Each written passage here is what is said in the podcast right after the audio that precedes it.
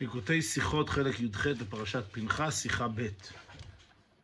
בסיום פרשתנו, לאחר שמפרט הכתוב בדיני הקורבנות, התמיד, מוספי שבת וראש חודש וקורבנות כל מועד, כתיב, ויאמר משה אל בני ישראל ככל אשר ציווה השם את משה. מפני מה הוצרך הכתוב להשמיענו שמשה מסר את כל הציוויים לבני ישראל?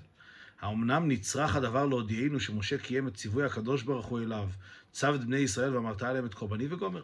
הרי התורה מתחילה בפרשת, את פרשת קורבנות המועדים אה, עם, עם, עם קורבן התמיד, את בני ישראל ואמרת עליהם, אחר כך אה, קורבנות ראש חודש אה, וכולי וכולי, וקורבנות כל המועדים.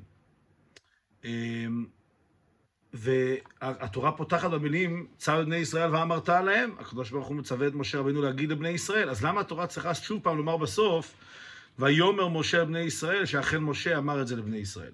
והרי בכמה מקומות מצינו שנכתב רק ציווי השם על משה, ולא נזכרה מסירת הציווי לאחרי זה על ידי משה לבני ישראל. והטעם פשוט, מאליו מובן שמאחר שהקדוש ברוך הוא אמר זאת למשה על מנת שימסור את הציווי לבני ישראל, משה בוודאי עשה כן. והדבר פשוט כל כך עד שלא מצינו שרש"י ישמיענו עניין זה בפירושו.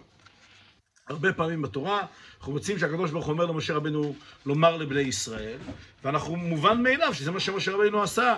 לא התורה צריכה לפרט זאת, וגם רש"י לא מוצא לנכון לפרש את זה באף מקום. מכיוון שזה מובן מאליו. אז למה כאן התורה מפרטת את זה בסוף פרשת הקורבנות? אם כן, מדוע כאן הוצרך הכתוב להשמיענו עניין זה? על זה פירש רש"י, להפסיק העניין דברי רבי ישמעאל, לפי שעד כאן דבריו של מקום ופרשת נדרים מתחלת בדיבורו של משה. הוא צריך להפסיק תחילה ולומר שחזר משה ואמר פרשה זו לישראל. שאם לא כן, יש במשמע שלא אמר להם זו, אלא פרשת נדרים התחיל דבריו. אז אומר רש"י, שלדברי רבי ישמעאל, ההסבר הוא כך. למה התורה צריכה לומר, ויאמר משה אל בני ישראל ככל שציווה השם את משה? מכיוון שמיד אחר כך פרשת מטות מתחילה התורה, שמשה רבינו דיבר על בני ישראל, וידבר משה אל ראשי המטות לבני ישראל לאמור, אז אמ, היה אפשר לומר שאחרי שהקדוש ברוך הוא אמר למשה את פרשת הקורבנות, מיד מדברים על, צי, על דברי משה רבינו על בני ישראל, ושם יש את אה, אה, דיני נדרים, פרשת נדרים. אז היה ניתן לחשוב שבאמת משה רבינו לא אמר להם את ציווי הקדוש ברוך הוא, מכיוון שמיד בהמשך לציווי הקדוש ברוך הוא מגיע דברי משה רבינו בענייני נדרים ולא בענייני הקורבנות. לכן התורה צריכה לומר שמשה רבינו קודם מסר להם את דברי השם בעניין הקורבנות, ואחר כך התחיל את דבריו בעניין פרשת נדרים. שואל הרב, אבל צריך להבין, אין אמת שאלמלא נכתב פסוק זה ויאמר משה בני ישראל גומר, הייתה משמעות הכתובים, כיוון שמיד לאחרי זה פרשת נדרים, מתחיל דיבורו של משה, שמשה לא מסר לבני ישראל את הפרשה הקודמת. אבל איך יש מקום אפילו לקסלקא דתך, שמשה לא קיים את ציווי הקדוש ברוך הוא, צד בני ישראל ואמרת עליהם. הרב בעצם אומר, נכון שאולי היה ככה משמעות הדברים אם היינו מסתכלים בכתובים בעצמם, אבל הרי אם אנחנו מתבוננים בתוכן הכתובים, היה לנו ברור שמשה רבינו מסר את דברי הקדוש ברוך הוא לבני ישראל. במילים אחרות, נכון שאולי המשמעות המילולית של הדברים לא הייתה, לא היה מודגש שמשה רבינו העביר לבני ישראל את דברי הקדוש ברוך הוא. אבל הרי בתורה זה לא הכל מיוסד רק על המשמעות המילולית. אנחנו יודעים, כל אחד שלמד יודע שכל פעם הקדוש ברוך הוא מוסר, אה, אומר דבר, אה, למשה רבינו למסור לבני ישראל, ומובן מאליו שמשה רבינו מוסר את הדברים לבני ישראל. אז מצד תוכן העניין, ברור שמשה רבינו מסר את הדברים לבני ישראל. לא היה כאן באמת מקום לחשוב שמשה רבינו לא קיים, קיים את ציווי הקדוש ברוך הוא. ואם כן, חוזרת השאלה, למה התורה צריכה לפרש את זה? אז זו השאלה הראשונה כאן. ממשיך הרבה, דברי, את כוונת דברי רבי ישמעאל להפסיק העניין ביער הרמב"ן. אלמלא נכתב הפסוק ויאמר משה גומר, לא היינו יודעים לאיזו פרשה מתייחס הכתוב וידבר משה לראשי המטות גומר, האם לאחריו לדיני פרשת מטות, או לפניו לדיני פרשתנו. ולכן נכתב בסיום פרשתנו, ויאמר משה על בני ישראל גומר כדי להפסיק העניין. הודיענו שבכתוב וידבר משה לראשי המטות גומר, מתחיל עניין חדש, פרשת נדרים. אומר הרבי, אכן הרמב"ן באמת מפרש את זה קצת שונה. והרמב"ן אומר שאילולא היה כתוב שמשה רבינו מסר לבני ישראל את צבעי הקדוש ברוך הוא, היינו חושבים שפתיחת הפרשה הבאה, וידבר משה לראשי המטות, היא באמת מדברת על פרשת הקורבנות. במילים אחרות, היינו קוראים ככה, יש לנו את כל פרשת הקורבנות, שמתחילה צו את בני ישראל ואמרת עליהם, אחר כך כל פרשת הקורבנות של המועדים, ומיד אחר כך מופיעים המילים, וידבר משה לראשי המטות בני ישראל לאמור, זה הדבר של ציווה השם. אז היינו אומרים שזה נסוב על הפרשה הקודמת. אכן, משה רבינו דיבר לראשי המטות, ואמר להם מה הקדוש ברוך הוא ציווה, שזה פרשת הקורבנות. אז פה היה, הייתה יכולה להיות לנו באמת טעות בהבנת הפסוקים. ולכן, אמ, התורה צריכה להפסיק ולומר, קודם כל, ויאמר אשר בני ישראל ככל אשר ציווה את השם, שהוא באמת מסר להם את ציווי הקדוש ברוך הוא בעניין הקורבנות, ואחר כך לפתוח בפרשה חדשה בעניין הנדרים. אז זה, זה הפירוש של הרמב"ן. וכן הוא לדברי הרמב"ן הפשט בלהפסיק עניין מקומות רבים בספרה ובספרי. ועוד הוסיף על שם, ועוד הוסיף שם יתרה מזו, שרש"י עצמו כתב על הפסוק על פרשת מטות, ועתה ירגו גומר וכל אישה גומר הרוגו, אשר סיבת כפל תיבת הרוגו היא להפסיק העניין. הוא פירש כוונתו לאלתר, שאם היה נכתב הרוגו בשנית לאחר וכל אישה גומר, לא היינו יודעים אם וכל אישה גומר שייך לסוג הקודם, דהרגו כל זכר, או לסוג האמור לאחרי זה, וכל התו גומר החיו לכם.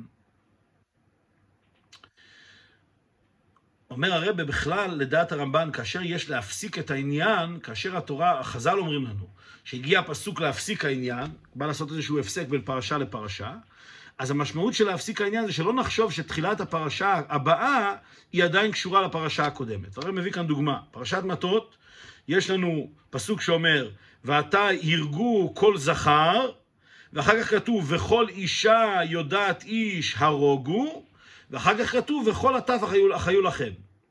אז מה, שלושה דברים. כל זכר הרגו, הרגו כל זכר, וכל אישה יודעת איש הרוגו, וכל, וכל הטף החיו לכם. אומר הרמב"ן, למה התורה צריכה לחזור שוב ולומר הרוגו? הרי כתוב, הרגו כל זכר, כל זכר וכל אישה יודעת איש. למה צריך להגיד שוב פעם הרוגו? אומר הרמב"ן, כי היה אפשר לקרוא את זה, אם לא היה כתוב, אילולא היה כתוב אה, הפעם השנייה הרוגו, היה אפשר להבין לא נכון את דברי הפסוק. היינו קוראים ככה, הרגו כל זכר, רק את הזכרים להרוג, ואחר כך, וכל אישה יודעת איש, וכל הטף, החיו לכם. היינו חושבים שגם אנשים, כל אישה יודעת איש, גם כן אה, להחיות לכם. לכן צריך לכתוב שוב פעם, וכל אישה יודעת איש להרוגו, ורק אחר כך וכל הטף החיו לכם. אז רואים אם כן, שהחזרה של התורה היא בשביל ל- ל- ללמד אותנו שהחלק הזה של הפסוק הוא באמת משוייך לפרשה הקודמת ולא הפרשה הבאה. אותו דבר כאן. אילולי היה לנו את ההפסק הזה, ויאמר משה אל בני ישראל, היינו חושבים שוידבר משה אל ראשי המטות, זה אכן נסוב על הפרשה הקודמת, זה עדיין מחובר לפרשה הקודמת. אז לכן התורה מפסיקה. אם כן, לדעת הרמב"ן הדברים ברורים. אומר הרב, אבל פירוש רש"י כאן אי אפשר לפרש כן, שרש"י שינה בלשון הספרי, איני, איני יודע במה עניין מדבר, וכתב בפירוש שאלמלא הכתוב ויאמר משה גומר היינו טועים לפרש, לא שהפסוק להלן ויאמר משה ראשי המטות גומר קהל לפניו כפירוש הרמב"ן, אלא שלא אמר להם זו, על הפרשת נדרים התחיל דבריו. אומר הרב, כל זה מתאים לפירוש הרמב"ן ולפירוש הספרי שהרמב"ן מסתמך עליו, אבל ברש"י אי אפשר ללמוד כך, מכיוון שרש"י אומר במפורש שאילולא היה כתוב ההפסק הזה, ויאמר משה אל בני ישראל, היינו חושבים שמשה רבינו לא העביר את הדברים לבני ישראל. כלומר, שהפסוק פה לא בא להגיד לנו רק לאיפה משתייך הפסוק הבא, האם הוא משתייך לפרשה הקודמת או לפרשה הבאה. הפסוק פה בא לספר לנו שאכן משה רבינו מסר את ציווי הקדוש ברוך הוא לבני ישראל. וזה כמובן מעורר תמיהה. למה שנחשוב שמשה רבינו לא ימסור את הציווי לבני ישראל? זה לכאורה דבר הפשוט. אז זה אם כן השאלה הראשונה והעיקרית כאן. ממשיך הרי, וגם צריך להבין קושיית הרמב"ן, אף בפרשת אמור, בסוף פרשת המועדות כתיב, וידבר משה את מועדי השם על בני ישראל. לכן מצילו מדרשי רז"ל כמה ביורים בטעם שהוצרך הדבר להיאמר בכתוב, אבל רש"י לא פירש מאומה בעניין זה. ואינו מובן, אם על פשוטו של מקרא נדרש ביור מדוע מודיעין הכתוב שמשה מסר את ציווי השם על המועדים לבני ישראל, היה על רש"י לבאר זאת בפעם הראשונה שנאמר כן, אל פרשת אמור. ולא להמתין עד הכתוב בפרשתנו. השאלה הנוספת היא, אותו, אותה בעיה קיימת כבר בפרשת אמור. גם שמה הקדוש ברוך הוא אומר למשה רבינו להגיד לבני ישראל את פרשת המועדות, ובסיום הדברים כתוב, וידבר משה את מועדי השם בבני ישראל. אז לכאורה התמיהה הייתה כבר צריכה להתעורר שמה. למה התורה חוזרת ואומרת שמשה מסר את ציווי הקדוש ברוך הוא לבני ישראל? ואילו מציאות רש"י לא, לא מתייחס לשאלה הזאת שם, שמה זה מובן מאליו, ורק פה רש"י מעורר את השאלה. אז צריך להבין למה רש"י שואל את השאלה רק כאן ולא בפרשת אמור. ממשיך הרב ומקשה יותר, יתרה מזו. ביורו של רש"י כאן, לפי שעד כאן בלבד דבריו של מקום וכולו, אינו יכול להאמר בפרשת אמור, משום ששם פותחת הפרשה של אחרי זה בדבריו של מקום, מדבר השם משה לאמור. אומר הרב לא זו בלבד שהשאלה הייתה צריכה להישאל בפרשת אמור, אלא שגם התשובה שנתנו כאן היא לא, היא לא טובה לפרשת אמור. אז שם לכאורה השאלה עוד יותר קשה, כי התשובה כאן לא תועיל אפילו. למה התשובה כאן לא מועילה? כי כאן מה התירוץ של רש"י? אה, כי היה אפשר לטעות שמשה רבינו התחיל את דבריו בפרשת נדרים. לכן צריך לספר לנו שלפני זה הוא אמר להם את דברי הקדוש ברוך הוא בעניין פרשת הקורבנות. אבל הרי בפרשת אמור לא היה יכול להיות כזאת טעות, מכיוון שפרשת אמור, אחרי פרשת המועדים, מגיע עוד פרשה שוידבר השם על משה לאמור, משה רבינו מדבר, הקדוש ברוך הוא מדבר על משה. אז לא היה אפשר לטעות ולחשוב שמשה רבינו התחיל במשהו אחר, כי הרי זה לא משה רבינו שמתחיל את הפרשה הבאה, זה הקדוש ברוך הוא שמתחיל את הפרשה הבאה. אז אם כן, שם השאלה עוד יותר קשה. למה התורה צריכה לפרש לנו שמשה רבינו מסר את הדברים לבני ישראל? ובמציאות רש"י שם לא שואל את השאלה הזאת. אז אם כן, זו השאלה הנוספת, למה רש"י לא שואל את הקושייה גם בפרשת אמור, בפרט שהתירוץ שמופיע כאן לא מתאים בפרשת אמור. הטעם שקושייה זו, מדוע צריך כתוב להודיענו שמשה מסר את צבעי השם בבני ישראל מתעורר דווקא כאן ולא בפרשת אמור, יש לבר בפשטות. אז הרבי יתחיל כאן קודם כל בלענות על השאלה השנייה, למה באמת השאלה הזאת לא מתעוררת בפרשת אמור? מבאר הרבי. פרשת המועדות אשר פרשת אמור נאמרה בסמיכות להקמת המשכן. עוד קודם מניין בני ישראל באחד לחודש השני שעליו מסופר בחומש במדבר. ובין המצוות והדינים שנאמרו שם, ישנם כמה אשר קיומם שייך דווקא בארץ ישראל. לדוגמה, עומר חדש תהיה לחם. אז אומר, בוא נסתכל על ההקשר של פרשת המועדות בפרשת אמור. פרשת המועדות נאמרה בסמיכות להקמת המשכן. במילים אחרות, אנחנו יודעים, בני ישראל יצאו ממצרים בחודש ניסן, אחר כך הגיעו להר סיני, מתן תורה, אחר כך יש את כל הסיפור של חטא העגל והעלייה של משה להר במשך שלוש פעמים. אחר כך, במחרת יום הכיפורים יש את הקמת המשכן, אה, זאת אומרת, את תחילת בניית המשכן, ואז עד ראש חודש ניסן בונים את המשכן. בראש חודש ניסן זה חנוכת המשכן. באותו חודש ניסן, בסמיכות להקמת המשכן, אמר הקדוש ברוך הוא לבני ישראל את פרשת המועדות. אמר הקדוש ברוך הוא למשה רבינו את פרשת המועדות. זה פרשת אמור, וכמו כן הרבה מאוד פרשיות בתורה נאמרו באותו חודש ניסן של אחרי הקמת המשכן. כפי שהרב אומר כאן, עוד לפני מניין בני ישראל, אנחנו יודעים שבראש חודש אייר של השנה השנייה, כלומר בדיוק שנה ו- וכמה שבועות אחרי יציאת מצרים, אמ, אז יש את מניין בני ישראל, ואחר כך בכ' באייר באותה שנה הם יוצאים מהר סיני. אז התקופה הזאת של חודש ניסן של השנה השנית, זה הזמן שהקדוש ברוך הוא אמר למשה הרבה הרבה מהפרשות שכתובות בתורה, כולל את פרשת המועדות, כפי שהרב מציין כאן מרש"י. עכשיו, הפרשה הזאת נאמרה בשנה השנייה לצאתה מארץ מצרים, שנה אחרי יציאת מצרים, הרבה לפני שנכנסו לארץ. אבל בין המצוות, יש שם הרבה מצוות שקשורות דווקא להגעתם לארץ ישראל, כמו עומר חדש ושני הלחם. אז בכל אופן, אמ, היה אפשר שם לטעות, לכן שמשה רבנו לא אמר את הדברים מיד לבני ישראל, כי יש מצוות שיותר דחוף להגיד להם, כפי שהרבי יסביר כעת. ועל כן יש מקום לטעות ולומר, שאף שמשה מסר בוודאי את כל ציוויי השם לבני ישראל, ויתר על כן, בדרך כלל עשה כן משה מיד לאחר שמיעת ציווי בפני השם. כמובן בפירוש רש"י גם במתן תורה, שלא היה משה פונה לעסקיו, אלא מן ההר אל העם. אבל במקרה זה לא מסר את כל פרטי הדינים לאלתר, לאחר שהדברים לא היו נוגעים למעשה מיד בעת ההיא. בא בשעה שהוא, משה, היה טרוד להשיב על הדבר הקשה אשר יביאון אל משה, וכן בקיום והודעת עליהם את הדרך ילכו בה ואת המעשה אשר יעשון בחיי היום-יום. אומר הרב, לכן היה שם בפרשת המועדות, היה מקום לטעות, שמשה רבינו אכן לא מסר להם מיד את ציווי הקדוש ברוך הוא. למה? מכיוון שחלק מהפרטים, לפחות חלק מהפרטים של פרשת המועדות, רק נוגעים כשמגיעים לארץ. ומשה רבינו היה טרוד בלהגיד להם מה לעשות, המעשה אשר יעשון, כבר כעת במדבר. אז משה רבינו אמר, אני אתעסק קודם כל במה שצריכים לדעת עכשיו, והרי רק עכשיו הקימו את המשכן, ויש מצוות שנוגעות ממש למעשה כעת, ואת הדברים שנוגעים לארץ ישראל נדבר יותר מאוחר.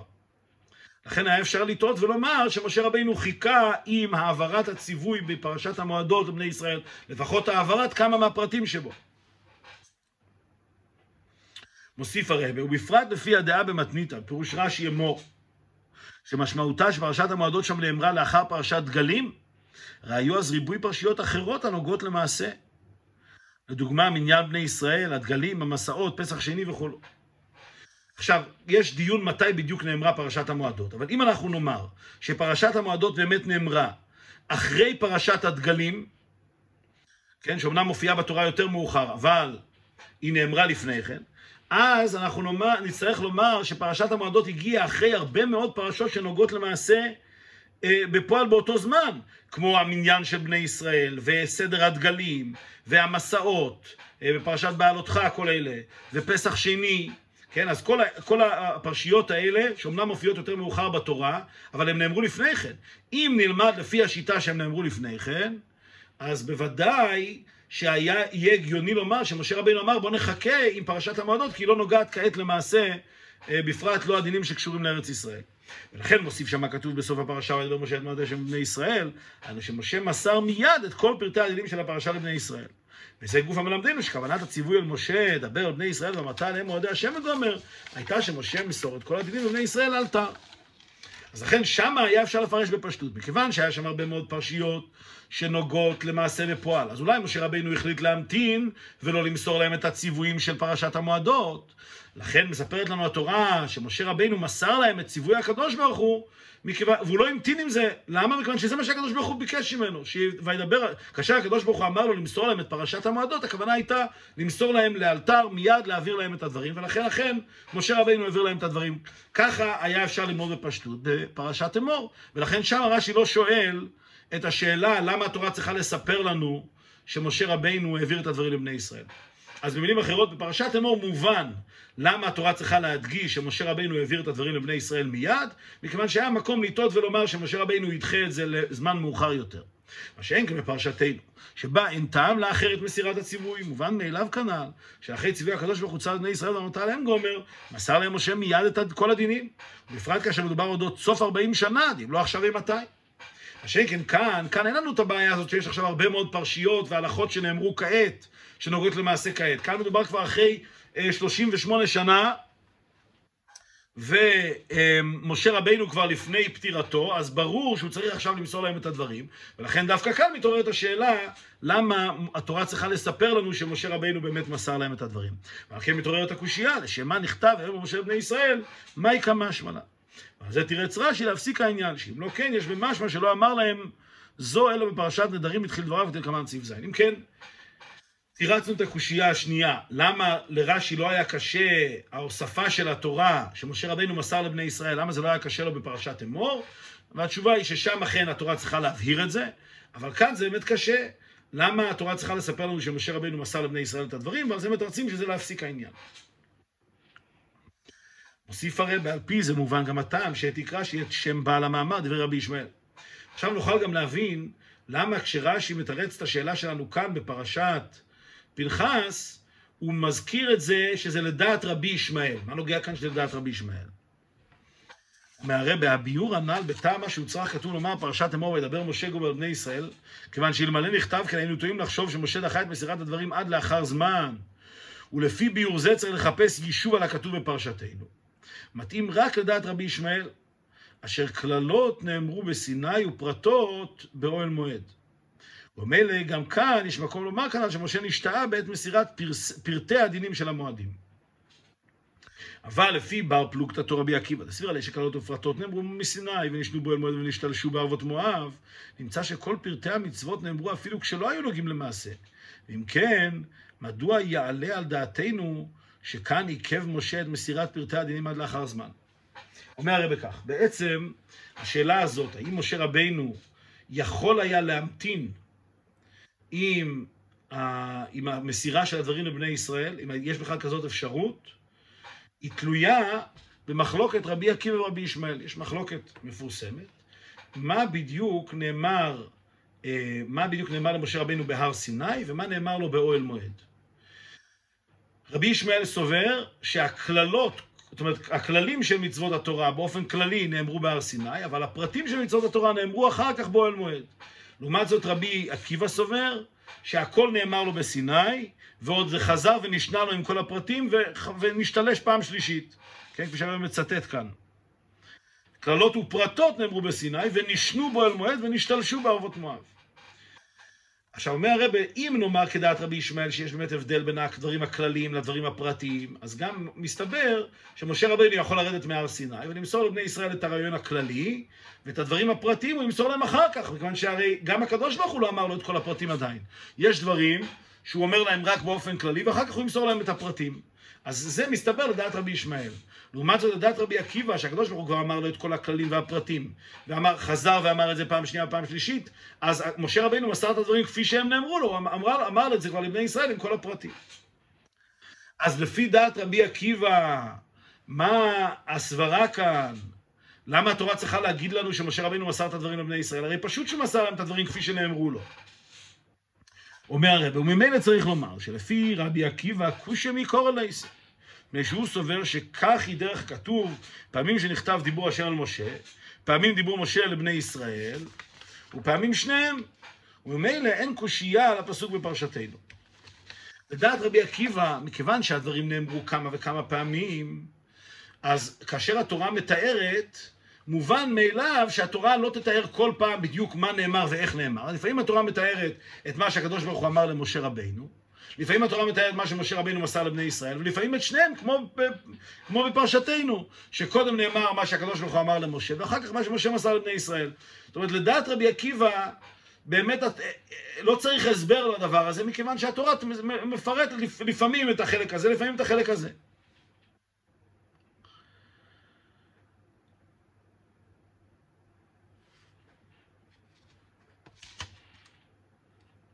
אז ממילא לדעת רבי עקיבא אין שאלה, ולכן כל השאלה הזאת מתעוררת דווקא לדעת רבי ישמעאל, ולכן אה, רש"י, כשהוא מביא את התירוץ לשאלה למה התורה חזרה ואמרה שמשה רבינו מסר את הציווי לבני ישראל, הוא מזכיר את דעת רבי ישמעאל, כי דווקא לדעתו צריך כאן ביור לעניין.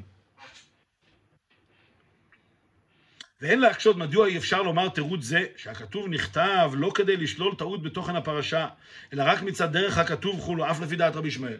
שואל הרב רק רגע, אם לפי רבי עקיבא באמת לא צריך הסבר, כי זה מובן בפשטות, מכיוון שהדברים חזרו ונאמרו ונש... ונשתלשו, אז מובן שהתורה לפעמים מספרת את החלק הזה, לפעמים את החלק הזה. אז אם באמת לדעת רבי עקיבא אין צורך בהסבר למה התורה מפרטת שמשה רבינו מסר את הדברים לבני ישראל, אז אולי גם לדעת רבי ישמעאל נאמר אותו דבר. למה רש"י צריך לשאול שאלה ולתרץ תירוץ?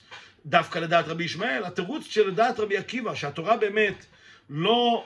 אמ, שזה לא, לא דבר שטעון ביור.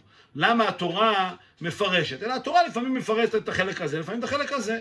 לכאורה היה אפשר ככה ללמוד בפשוטו של מקרא, ואז בכלל לא צריך לתרץ שום שאלה, לא לדעת רבי עקיבא, לא לדעת רבי ישמעאל, פשוט לומר שזה לא מהדברים שהתורה מקפידה בהם, אלא התורה לפעמים מפרטת את דברי השם למשה רבינו, לפעמים את דברי משה רבינו לבני ישראל. אז אומר הרב לא, לדעת רבי ישמעאל אי אפשר לומר שאין לזה משמעות לחזרה הזאת של הכתוב. למה? כיוון שיש לומר שבזה גופה תלויה המחלוקת על רבי עקיבא ורבי ישמעאל. לשיטת רבי עקיבא שקללות ופרטות נאמרו בסיני ונשנו בו אל מועד ונשתלשו בו אל מואב, בו ערבות מואב. צריך לומר שגם שכל המצוות בכללות ובכללות ובפרטות נאמרו ג' פעמים בסיני בו אל מועד וערבות מואב, הנה הכתוב אינו מפרש ומפרט את כל המצוות ופרטיהם בשלושה מקומות, ואף בשני מקומות לא נתפרשו אלא חלק מהמצוות. והדרך זה בענייננו, לעיתים מפרט הכתוב אף דיבור משה לבני ישראל, ולעיתים לא. אז לדעת רבי עקיבא, באמת אפשר לומר שהתורה לא מדייקת כביכול, או שלא, לא, זה לא דבר שצריך ביור, למה נאמר לפעמים הפרט הזה ולפעמים הפרט הזה, למה? מכיוון שלדעת רבי עקיבא, הדברים נאמרו שלוש פעמים, והרי אנחנו רואים בתורה ודאי לא מפרטים לנו שכל מצווה נאמרה שלוש פעמים. זאת אומרת, שאומנם הדברים נאמרו ונשנו ונשלשו שלוש פעמים אמירה גם של הקללות וגם של הפרטות, אבל התורה בוחרת רק, רק אה, דברים מסוימים לפרט. לפעמים את מה שנאמר בפעם הראשונה, לפעמים בפעם השנייה, לפעמים בפעם השלישית. אז יוצא מכאן שלדעת רבי, רבי עקיבא, בכלל הסגנון שהתורה כותבת, זה לא לפרש לנו בדיוק מתי הדברים נאמרו. הדברים נאמרו כמה וכמה פעמים, אלא התורה בוחרת לפעמים לציין את הפעם הזאת, לפעמים את הפעם הזאת. ולכן לדעת רבי עקיבא אכן מובן שהתורה לפעמים תציין שמשה רבינו מסר את הדברים לבני ישראל, לפעמים לא, כי זה הסגנון שהמצוות כתובים. כל המצוות נכתבו בצורה כזאת, שמצד אחד הם נאמרו שלוש פעמים, מצד שני, אנחנו רק מציינים פעמים מסוימות ש, שמציינים במפורש שהדברים נאמרו. ולכן זה הגיוני שהתורה תבחר מפעם לפעם לפר, לפרט פרט זה או אחר, מכיוון שהתורה תמיד בוחרת רק אחד מתוך שלוש פעמים שהדברים נאמרו. זה הכל מתאים לדעת רבי עקיבא. אבל לדעת רבי ישמעאל, מה הסיבה באמת שרבי ישמעאל סובר שהקללות נאמרו, כללות המצוות נאמרו למשה בהר סיני וה, והפרטים נאמרו באוהל מועד? ובטעם דעת רבי ישמעאל שקללות נאמרו בסיני ופרטות באוהל מועד, יש לומר, שיטתו היא שבאופן כללי צריך לומר שכל פרט ועניין נכתב בתורה כמו שהיה בפועל, אלא אם כן יש הכרח שלא כן. ומפני זה סבירה לי שפרטי המצוות נאמרו במקום שבו הם כתובים בתורה, ולא ג' פעמים בסיני באוהל מועד ובערות מואב. ועל דרך זה בענייננו. מאחר שהכתוב מפרש ומפרט כאן דווקא וידבר משה גורם לבני ישראל, צריך לומר שזהו מפני שיש בזה חידוש שייך לפרשה זו. אבל לדעת רבי ישמעאל, למה רבי ישמעאל אכן סובר שהדברים נאמרו רק פעם אחת באופן כללי בהר סיני ופעם שנייה באוהל מועד? למה הוא לא סובר כדעת רבי עקיבא? מכיוון שרבי ישמעאל הולך לפי פשטות הכתובים. מה שנאמר בפסוק במפורש, שנאמר, זה מה שנאמר. זאת אומרת, מה שהתורה אומרת לנו, שהקדוש ברוך הוא אמר למשה רבינו, אז זה נאמר ותו לא. אז מכיוון, אז זה הסיבה, מה הסיבה שרבי ישמעאל לומד? שהדברים נאמרו רק באופן כללי בהר סיני, ונאמרו בפרטיות באוהל מועד, מכיוון שהוא לוקח את הפסוקים כפשוטם. איפה מופיע שהקדוש ברוך הוא אמר את הציוויים המפורטים למשה רבינו? זה מופיע שזה קרה באוהל מועד. הרי לא מופיע לנו בתורה את כל הציוויים הפרטיים שנאמרו אה, למשה רבינו בהר סיני. כל הפרש, הפרשיות האלה, דוגמה פרשת המועדות, פרשת הקורבנות, כל זה הרי ברור שנאמר למשה באוהל מועד. אז אומר רבי ישמעאל, מכיוון שזה מופיע בתורה שזה נאמר באוהל מועד, אז זה, זה המקום שזה נאמר ותו לא. ולכן לדעת רבי ישמעאל, המקומות שהתורה מפרטת לנו מה נאמר, זה המקום היחיד, שם הדברים באמת נאמרו. ואם כן, אם התורה אומרת לנו ויאמר משה בני ישראל, זה אומר שהתורה באה לחדש לנו כאן, הרי אם זה נאמר למשה רבינו רק כאן, אז פשוט שמשה רבינו מסר את זה לבני ישראל. למה צריך, התורה צריכה פה להוסיף שמשה רבינו מסר, מסר את זה לבני ישראל? במילים אחרות נסביר שוב.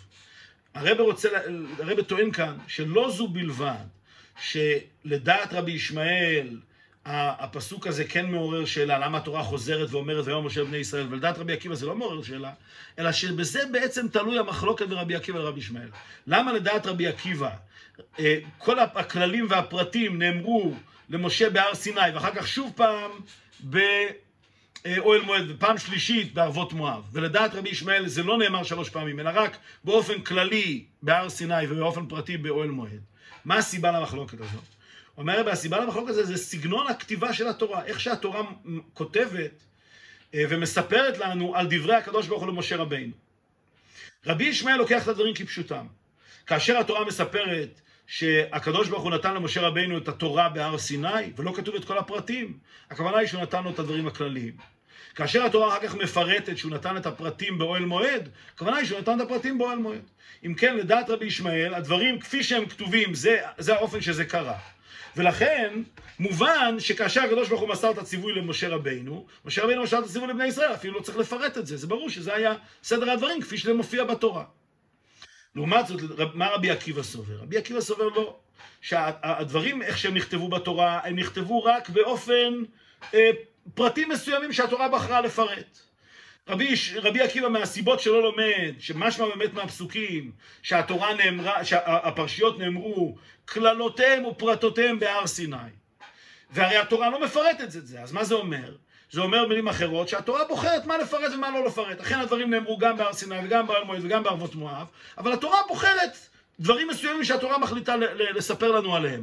ולכן אין קושייה כשהתורה בוחרת לנו לספר, לספר לנו שמשה רבינו העביר את הדברים לבני ישראל, מכיוון שזה כל סגנון הכתיבה של אה, דברי הקדוש ברוך הוא למשה רבינו ודברי משה רבינו לבני ישראל, הכל נכתב בצורה כזאת שאנחנו רק מפרטים אירועים מסוימים. לפעמים מדברים על מה שהקדוש ברוך הוא אמר בהר סיני, לפעמים מדברים על מה שהקדוש ברוך הוא אמר באוהל מועד, לפעמים על מה שהוא אמר בערבות מואב, ואם כן, אין לשאול למה פתאום התורה מפרטת את הפרט הזה. ככה הדברים כתובים, זה הסגנון שהתורה כתבה את הדברים. היא בחרה אירועים מסוימים שכתובים בתורה במפורש. ועכשיו אנחנו צריכים להבין דבר מתוך דבר. זה הסגנון לדעת רבי עקיבא. ולכן לדעת רבי עקיבא אין כאן שום קושייה. התורה בחרה לפרט לנו את הפרט הזה שמשה רבינו מסר את הדברים לבני ישראל. לעומת זאת, לדעת רבי ישמעאל, אי אפשר לומר כך. כי לדעת רבי ישמעאל התורה לא בחרה סתם פרטים מסוימים שהיא בחרה לספר לנו עליהם. אלא מה שהתורה מספרת, ככה אכן הדברים קרו. אז אם זה, אם בכל פרשה ככה הדברים קרו, שהקדוש ברוך הוא מסר לבני ישראל, הקדוש ברוך הוא מסר את הדברים למשה רבנו, ומשה רבנו מסר לבני ישראל, מה פתאום בפרשה מסוימת התורה בוחרת עכשיו לספר לנו שאכן משה רבנו מסר את הדברים לבני ישראל? הרי בכל שאר הפרשיות התורה לא אומרת את זה. אז מכיוון שלדעת רבי ישמעאל לומדים את הפסוקים שבאמת הדברים קרו כפי שהם מופיעים בפסוקים, אז זה בוודאי מעורר את השאלה, מה פתאום בפרשה אחת מסוימת התורה בוחרת לספר לנו על כך שמשה רבינו מסר את הדברים לבני ישראל. אז אם כן ברור שהשאלה הזאת מתעוררת רק לדעת רבי ישמעאל ולא קשה לדעת רבי עקיבא. ממשיך הרבה. הטעם לזה שכללו, שכללות ענייני המועדות נחלקו לשתי פרשיות. אה,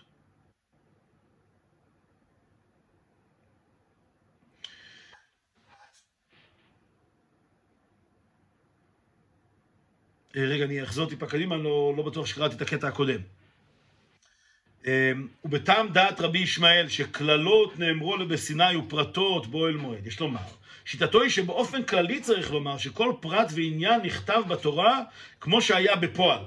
אלא אם כן יש הכרח שלא כן. ומפני זה סביר עלי שפרטי המצוות נאמרו במקום שבו הם כתובים בתורה, ולא ג' פעמים בסיני, באוהל מועד ובהרבות מואב. כן, זה דעת רבי ישמעאל, שהדברים נאמרו נכתבו בדיוק כפי שהם נאמרו. ועל דרך זה בעניינים, ומאחר שכתוב מפרש ומפרט כאן דווקא, וידבר משה גומר לבני ישראל, צריך לומר שזה מפני שיש בזה חידוש השייך לפרשה זו. כן? מכיוון שהדברים, הדברים קרו בדיוק כפי שהם מופיעים בתורה. אז הרי בכל הפרשות ברור שמשה רבינו מסר את הדברים לבני ישראל. אז אם כאן התורה מוצאת לנכון לפרט, לפרש את הפרט הזה, זה אומר שיש כאן איזשהו חידוש.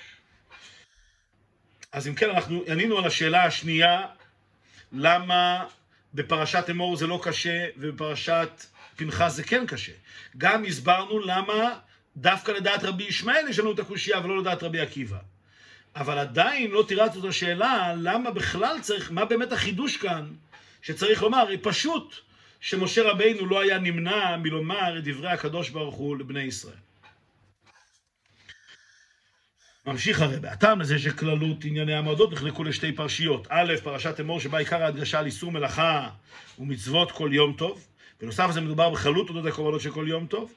ב', פרשתנו שבה ההדגשה העיקרית על פרטי הקורבנות הבאים בכל יום, שבת, בכל יום שבת, ראש חודש ויום טוב, אבל גם בה נזכר איסור המלאכה ביום טוב. אנחנו יודעים שפרשת המועדות היא נמצאת, מופיעה באופן מפורט בשני פרשיות. בפרשת אמור ובפרשתנו כאן, אמ, אה, עם, הבדלים, עם הבדל עיקרי. שם בעיקר מדברים על עצם הימים טובים, עצם החג, וגם מוזכר באופן כללי, והאיסור איסור עשיית מלאכה, וגם מוזכר באופן כללי עניין הקורבנות. פה עיקר הדגש זה על הקורבנות, וגם מוזכר העניין של איסור מלאכה. אז למה התורה מחלקת את זה לשתי פרשיות שונות? יש לברו בשני אופנים. א', פרשיות אלו נאמרו למשה כבית פרשיות שונות בזמנים שונים. פרשת אמור בסמיכות להקמת המשכן ופרשתנו בסוף 40 שנה. אז אופן אחד להסביר את זה, זה פשוט, שהקדוש ברוך הוא באמת אמר את זה פעמיים, הוא אמר את זה פעם אחת מיד אחרי הקמת המשכן, אה, שזה פרשת אמור, ואחר כך, לפני הכניסה לארץ ישראל, הוא אמר את הפעם השנייה, ולכן זה מופיע בתורה בשני פרשות שונות. ומה שלא נאמרה פרשת הקורבנות שבפרשתנו מיד לאחר הקמת המשכן, אף על פי שבפשטות יש לומר שכל הקורבנות הללו באו אף במדבר, חוץ מאלה שמפורש בהם כי תבואו אל הארץ. אבל לכאורה, אומר רב, רגע, איך אפשר לומר דבר כזה? הרי פרשת הקורבנות היא מפורטת דווקא כאן, הקורבנות שהביאו במועדים מפורש דווקא בפרשתנו. אבל הרי הקורבנות האלה לכאורה הקריבו אותם כבר במדבר, אז איך ידעו להקריב אותם במדבר? איך ידעו להקריב את הקורבנות של המועדים במדבר אם עדיין לא נאמרה להם הפרשה הזאת? אומר הרי בחידוש של פרשתנו יצב את בני ישראל ואמרת עליהם גומר. הזירוז, הציווי לכל ישראל, שקורבנות הציבור יבואו בזמנם, אבל פרטי ציוויי הקורבנות גופה כבר נאמרו למשה לפני זה, והוא מסרם ליחידים שהתעסקו בהקרבת הקורבנות, אהרון ובניו הכהנים. אומר הרי פשוט, פרשת אמור באמת נאמר שם, הקדוש ברוך הוא אמר כבר למשה את כל דיני הקורבנות. אבל הוא לא נאמר לו להגיד את זה לבני ישראל. נאמר לו שצריך להקריב את הקורבנות האלה. אז מה עשה משה? הלך ואמר לכהנים, לאהרון ולבניו, שזה הקורבנות שצריך להקריב בחגים ובמועדים וכולי, והם ידעו באמת להקריב את הקורבנות האלה, אבל לא היה ציווי שהוא ילך ויצווה את בני ישראל על כך. רק כעת, 40 שנה אחר כך, הקדוש ברוך הוא אומר לו, צו את בני ישראל ואמרת עליהם, שכל בני ישראל ידעו על כל הקורבנות שבכל יום, שבשבת, בראש חודש ובמועדים. אז ככה היה אפשר לפרש למה יש לנו כאן שני פרשיות. פרשה אחת נאמרה מיד אחרי המשכן, זה מה שהקדוש ברוך הוא, זה מה שהקדוש ברוך הוא אמר למשה רבנו להגיד לבני ישראל, על עצם המושג של המועדים, אבל את כל פרטי הקורבנות משה רבנו לא אמר לבני ישראל, אמר את זה רק לאהרון ולבניו. ואחר, והפרשה השנייה היא כאן בפרשתנו, שהקדוש ברוך הוא אמר למשה רבנו להגיד לכל בני ישראל את כל דיני הקורבנות. זה הסבר אחד. אופן אחד להסביר את זה. אופן אחר להסביר את זה, ב' בית הפרשיות נאמרו למשה יחדיו. ואדרבה, פרשת הקורבנות בפרשתנו נאמרה קודם לפרשת המועדות בפרשת אמור. ולכן נאמר פרשת המועדות והקרבתם אישי גומר סתם, בלי לפרש מהו הקורבן שיש להביא, ושפרטי הקורבנות כבר נאמרו למשה לפני זה. אופן אחר זה לומר לו, שני הפרשות נאמרו מיד אחרי הקמת המשכן, גם הקורבנות שמפורטים כאן בפרשת פנחס, וגם דיני המועדים שמפורטים בפרשת אמור, שניהם נאמרו באמת מיד אחרי הקמת המשכן. ואדרבה אומר הרי, בפרשת הקורבנות נאמרה עוד לפני פרשת המועדות שבפרשת אמור. למה? מכיוון שבפרשת אמור כתוב סתם, באופן כללי שצריך להקריב קורבנות. מזה משהו שכבר יודעים איזה קורבנות צריך להקריב. אז באמת אפשר לומר שהפרשה הזאת שמופיעה כאן בפרשת פנחס, כל דיני הקורבנות כבר נאמרו למשה רבינו אז, הוא מסר את זה לבני ישראל. ו, ו, ופרשת המועדות נאמרה אחר כך, אבל גם כן מיד בסמיכות לבניין המשכן. אומר הרב, אלא שאף על פי כן מטעם מסוים, קבע הכתוב את מקומה של פרשת הקורבנות כאן בפרשתנו בסוף 40 שנה, בהתאם לכלל שנראה שבכמה מקומות פירושו אין מוקדם מאוחר בתורה. אבל מסיבה מסוימת, מכיוון שהרי יש לנו כלל שאין מוקדם מאוחר בתורה, ולכן לפעמים דברים שהראו מוקדם יותר מופיעים מאוחר יותר, אז גם פרשת הקורבנות, שבאמת נאמרה 40 שנה לפני כן, מטעם, מאיזושהי סיבה, התורה בחרה לכתוב אותה כאן לקראת סיום 40 שנה. אז זה האופן השני, שני האופנים, או, או שנאמר שבאמת הפרשות האלה נאמרו בזמנים שונים, פרשה אחת, פרשת אמור נאמרה בזמן הקמת המשכן, ופרשת הקורבנות כאן, פרשת פנחס, נאמרה לקראת סוף 40 שנה, או שנאמר ששניהם נאמרו מיד בהתחלה, והתורה משום מה בחרה לשים את פרטי הקורבנות יותר מאוחר. עכשיו, לפי האופן השני אומר הרב, ולפי אופן זה, אשר ב' הפרשיות דאמור לפרשת אלוהים אמרו למשה בזמן אחד, היה מסתבר לומר שכוונת הציווי בתחילת פרשת המועדות, פרשת אמור, דבר בני ישראל ואמרת עליהם מועדי השם גומר, היא להבדיל את הפרטים הבאים להלן, שם, מכל שאר דיני המועד שאמר הקדוש ברוך הוא למשה לפני זה, פרטי הדין של פרשתנו. שאותם דווקא ימסור לכל בני ישראל, ולא את הדינים האמורים בפרשתנו, מפני שאינם נוגעים לכל ישראל כנ"ל. אומר, ולפי האופן השני, מה, איך, איך אנחנו נלמד את הפסוקים ככה? אם אנחנו נאמר שהקדוש ברוך הוא אמר למשה רבינו את פרשת הקורבנות דבר ראשון. זאת אומרת, מיד אחרי הקמת המשכן, הקדוש ברוך הוא אמר למשה רבינו את כל פרטי הקורבנות שבכל המועדים. ואחר כך, הקדוש ברוך הוא אמר למשה רבינו להגיד לבני ישראל את הציווי על כל המועדים, לא הקורבנות של המועדים, אלא המועדים בעצמם. אז מה הכוונה לדבר על בני ישראל ואמרת עליהם מועדי השם? הכוונה לומר ככה, אני כעת אמרתי לך את כל הקורבנות, זה אתה לא צריך להגיד לבני ישראל כעת. זה תגיד רק לאהרון ולבניו, יש צריכים להקריב קורבנות. אבל את הפרט הזה של פרטי המועדים, מה שקשור לאיסור עשיית מלאכה וכולי, זה תגיד לבני ישראל כבר עכשיו. אז ככה, לפי האופן השני, זה מה שקורה. הקדוש ברוך הוא אומר את כל פרטי הקורבנות קודם למשה רבינו, מבלי ציווי להגיד לו, שיגיד את זה לבני ישראל, ואחר כך הוא אומר לו מה להגיד לבני ישראל, שזה פרשת המועדות שמופיעה בפרשת אמור.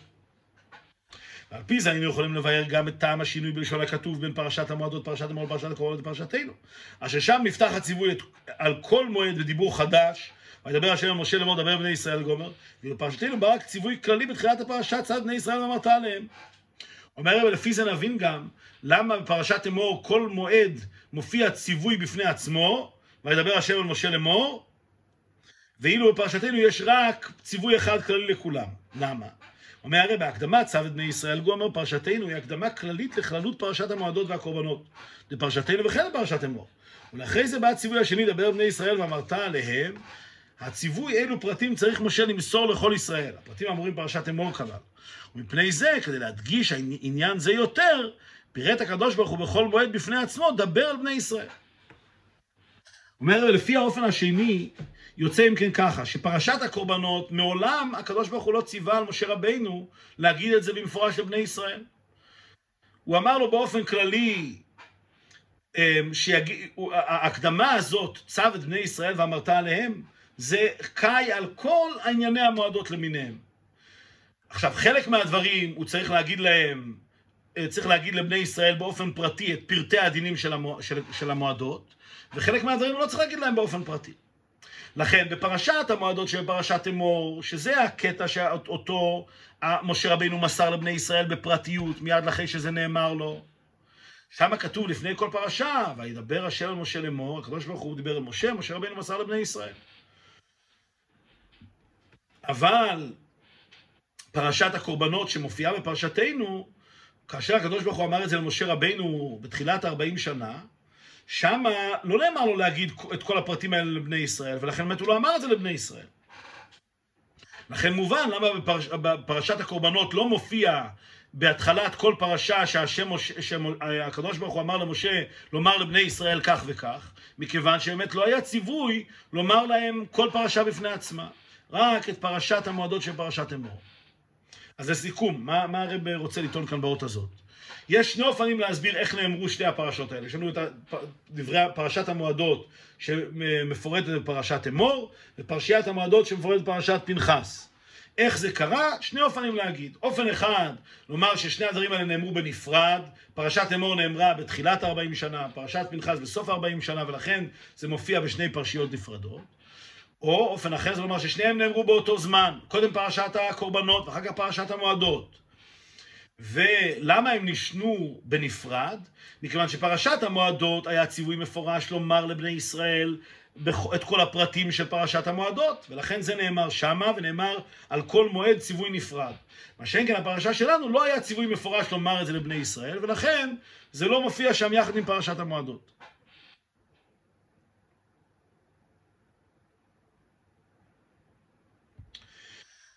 מוסיף הרב, והנה, מאחר שהכלל אין מוקדם ומאוחר בתורה נאמר על פי פשוטו של מקרא דווקא במקום שבו יש הכרח לומר שהפרשיות אינם לפי סדר הזמנים, כמו שאמרנו נתבהר כמה וכמה פעמים, מובן אשר על פי פשוטו של מקרא, פרשת הקורבנות בפרשתנו נאמרה בסוף 40 שנה. כדיוק לשון רש"י על הפסוק צו את בני ישראל ואמרת עליהם את קורבני לחמי גומר, מה אמור למעלה חולו ולא למה נסמכה פרשת יפקוד השם לפרשת הקורבנות חולו. כי בפשטות צריך לומר שפרשת הקורבנות לא רק נסמכה לכאן, היינו שרק כתיבתה הייתה בסמיכות לכאן, אבל נאמרה לפני, נאמרה לפני זה, אלא נאמרה כאן. אומר הרי בכך, אה, מתי אנחנו אומרים אין מוקדם ומאוחר בתורה על פי פשוטו של מקרא? רק כשיש לנו סיבה מיוחדת לומר שזה באמת נכתב לא לפי הסדר. אבל אם אין סיבה מיוחדת לומר שהדברים נכתבו שלא לפי הסדר, אנחנו צריכים להניח שהדברים נכתבו כסדר אה, האירועים. ואם כן, אם התורה מספרת לנו כאן על פרשת הקורבנות של המועדים, כנראה שזה קרה כאן בסוף 40 שנה. וכפי שהרבי רוצה גם לדייק, מזה שכתוב, רש"י מביא, צר בני ישראל ואמרת עליהם, אומר רש"י, מה אמור למעלה יפקוד השם אלוקי הרוחות אה, איש על העדה, וכולי. אה, זאת אומרת, רש"י מקשר בין פרשת הקורבנות לבין אה, הסתלקותו של משה רבינו. אומר, אומר הרב, רש"י לא אומר למה נסמכה הפרשה, הוא לא לומד את זה מהסמיכות, מהסמיכות, אלא אומר מה אמור למעלה. אם רש"י היה אומר למה נסמכה פרשת הקורבנות אה, לפטירתו של משה רבינו, או כן, הדיבור אודות פטירתו של משה רבינו, אז היה אפשר לומר באמת שאומנם הפרשה הזאת נאמרה לפני כן, אבל למה היא נסמכה, למה היא נכתבה כאן? בשביל ללמד אותנו איזשהו עניין. אבל רש"י הרי לא אומר למה נסמכה הפרשה, הוא אומר מה אמור למעלה. מה אמור למעלה? הכוונה היא כאילו האירועים האלה התרחשו זה אחרי, אחד אחרי השני. קודם היה יפקוד השם אלוקי ארוחות איש על העדה, ואחר כך צו בני ישראל ואמרת עליהם. זאת אומרת שאכן זה קרה, מדברי רש"י משמע שאכן זה קרה כעת, בסוף 40 שנה נאמר למשה את פרשת הקורבנות של המועדים. אבל אולי נאמר כאן בסוף פרשת הקורבנות, ויאמר משה לבני ישראל גומר, שאז יש במשמע, אשר בפרשת נדרים התחיל דבריו, ולא אמר להם פרשה זו, היה, היה זה מכריח לומר, שפרשה זו כתובה שלא במקומה. היא נאמרה למשה יחד עם ועוד קודם פרשת המועדות ופרשת אמור. אלא שהכתוב הסמיכה לכאן מטעם מסוים. וממילא לא אמר להם זו פרטי הדין בפרשתנו, אנו שלכל בני ישראל מסר משה רק את הדינים של פרשת אמור, כנ"ל סעיף ו'.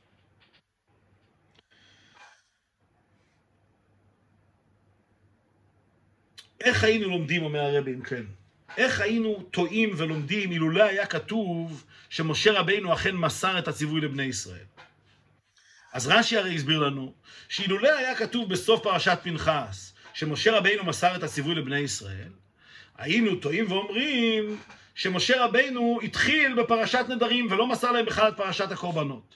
שאלנו איך ייתכן היה לומר דבר כזה? הרי איך, איך אפשר לומר שמשה רבינו לא ימסור להם את ציווי הקדוש ברוך הוא? אומר רבי עכשיו נבין היטב. אילולא היה כתוב שמשה רבינו באמת מסר להם כאן את הדברים, הייתי אומר שאכן הפרשה הזאת לא נאמרה כאן. היא נאמרה בכלל לפני 40 שנה. והיא לא נאמרה באמת למסור אותם לבני ישראל, היא נאמרה למסור אותם לאהרון ובניו.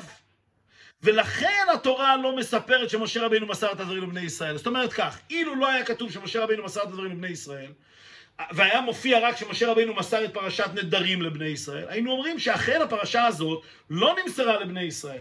כפי שמשמע גם בלשון הכתובים. כתוב שהשם משה, דיבר למשה רבינו ואמר לו פרשת המועדות, ואחר כך משה רבינו התחיל בפרשת הנדרים. מה פתאום?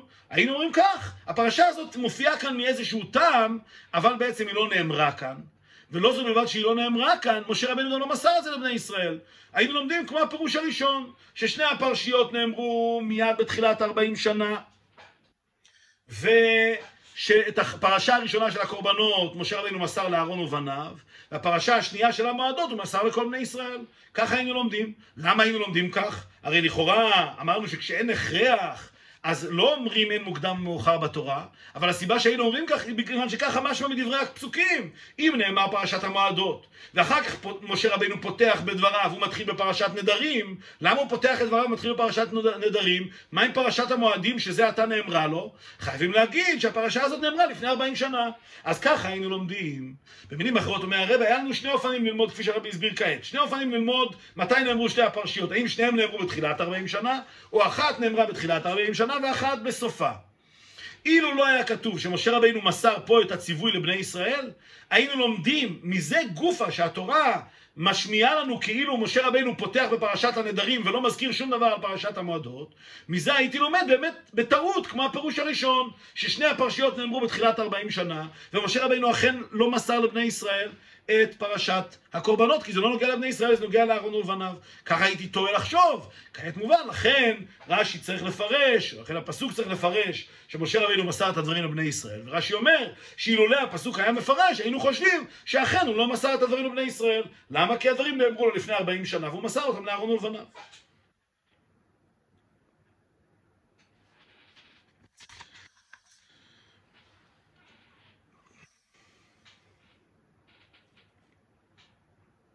אז רק להבהיר את הדברים עוד פעם אחת נוספת. השאלה הראשונה שהייתה לנו היא כזאת. רש"י אמר שלמה התורה מפרטת שמשה רבינו מסר את הדברים לבני ישראל, כי אילולא התורה הייתה מפרטת, היינו חושבים שמשה רבינו פתח בפרשת נדרים ולא מסר את הדברים לבני ישראל. אז הרי בשאל, איך היה אפשר בכלל לחשוב דבר כזה? הרי פשוט שאם הקדוש ברוך הוא אמר למשה רבינו למסור לבני ישראל, משה רבינו מסר לבני ישראל. מה כאן בכלל יש לטעות בדבר הזה? אז התשובה לכך היא כזאת, מכיוון שיש סברה לומר ששתי הפרשות האלה, הן הפרשה של הקורבנות שמופיעה כאן, והן הפרשה, פרשת אמור, שניהם נאמרו לבני ישראל בתחילת 40 שנה, מיד אחרי הקמת המשכן, והמילים צו את בני ישראל, הם באמת הולכים על שני הפרשות האלה, לא על כל הפרטים של הקורבנות, אלא על כל המושג של המועדים. אז באמת היה אפשר לומר ככה, כתוב, כתוב צו את בני ישראל, אבל צו את בני ישראל זה נסוב על שתי הפרשיות, ובעיקר הפרשה השנייה שמופיעה בפרשת אמור.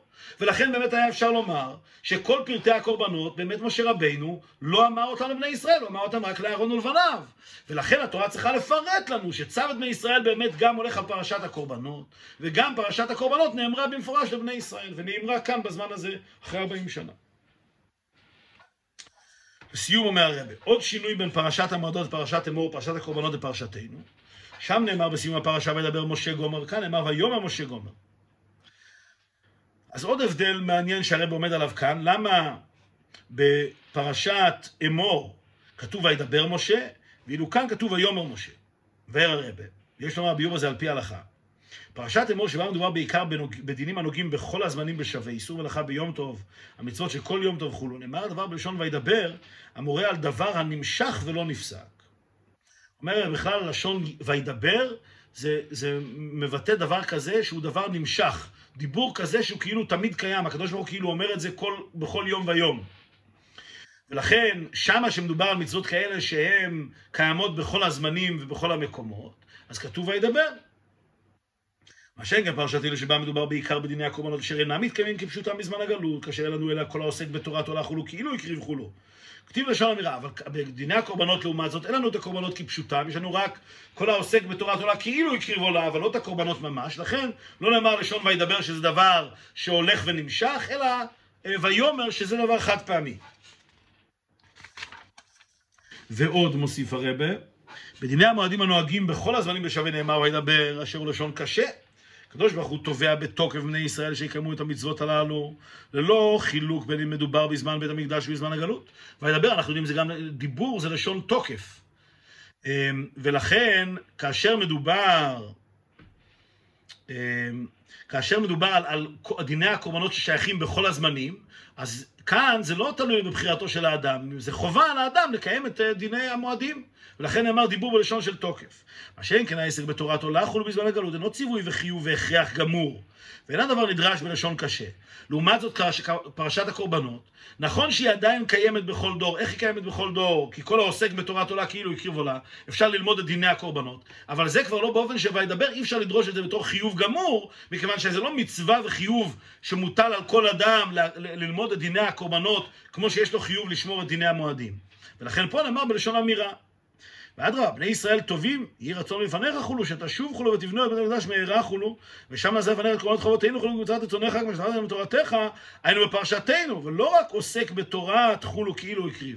אומר רבי יותר מזה, בני ישראל בתפילה מבקשים מהקדוש ברוך הוא שיבנה את בית המקדש, ואז באמת נוכל לקיים את המצוות כפי שנאמרו לנו בתורה. כלומר, המצווה שהיא מתקיימת על ידי זה שלומדים את ההלכות, היא לא באמת מתקיימת כמו שצריך.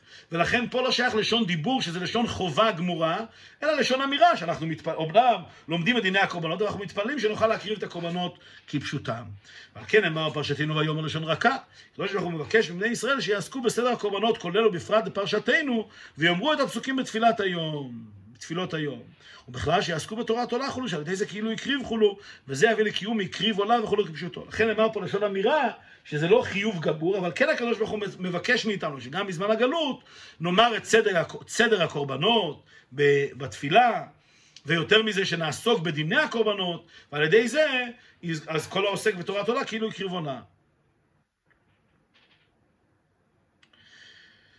וברגע ש, שעושים את זה, זה יביא לקיום הקריב עולה כפשוטו, זה מביא באמת לקיום כפשוטו של הדברים. איך? המלך המשיח חולו, בני המקדש חולו, וחוזרים חולו, מקריבים קורבנות חולו, כל אותה אמורה בתורה, במהרה בימינו ממש וכנ"ל, ושם נעשה לפניך את קורבנות חובותינו חולו כמצוות רצונך.